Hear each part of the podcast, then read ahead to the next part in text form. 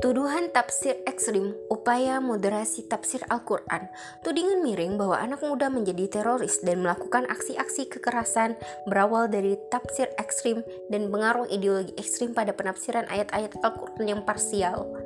Penulis artikel Agus Wedi mencontohkan tafsir Said Kutub. Fi Zilal Al-Quran ada praktik kekerasan agama. Contohnya ketika menafsirkan Inna ad-din indallah al-Islam. Sesungguhnya agama yang benar di sisi Allah adalah Islam. Quran Surat Al-Imran ayat 19 Dipahami menyingkirkan agama lain. Kemudian penulis tersebut menggiring opini pembaca untuk menyetujui ekstrimnya tafsir Said Kutub. Padahal yang ditulis oleh Said Kutub menjelaskan kebenaran Tauhid Islam.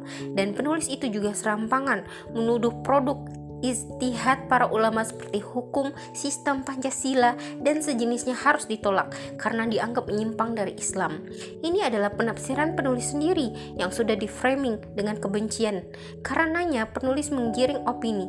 Dengan kata lain, penulis mengopinikan bahwa tafsir ekstrim seperti ini perlu diganti. Moderatisasi tafsir yang merupakan jelmaan liberalisasi agama.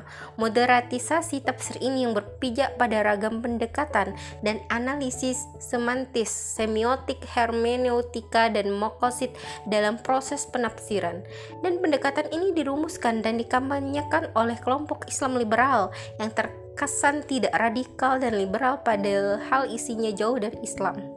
Syekh Taqiyuddin Anabahani menguraikan dalam kitabnya Asyaksiyah Islamiyah jilid 1.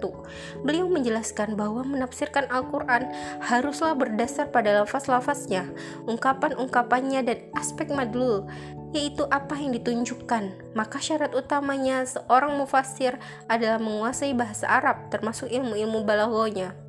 Dari metode penafsiran ini, yang berhak menafsirkan Al-Quran adalah seorang Muslim yang memiliki kemampuan bahasa Arab mumpuni, menguasai sunnah Rasulullah, serta ilmu-ilmu yang diperlukan dalam penafsiran, seperti asbabun nuzul, nasak mansuk, huruf, dan sebagainya. Dengan kemampuan inilah, tafsir Al-Quran tidak dilakukan secara serampangan, tetapi memiliki kompetensi dan bukan mencetuskan moderasi tafsir yang mengarah moderasi Islam dan liberalisasi yang bertentangan dengan pemahaman Islam.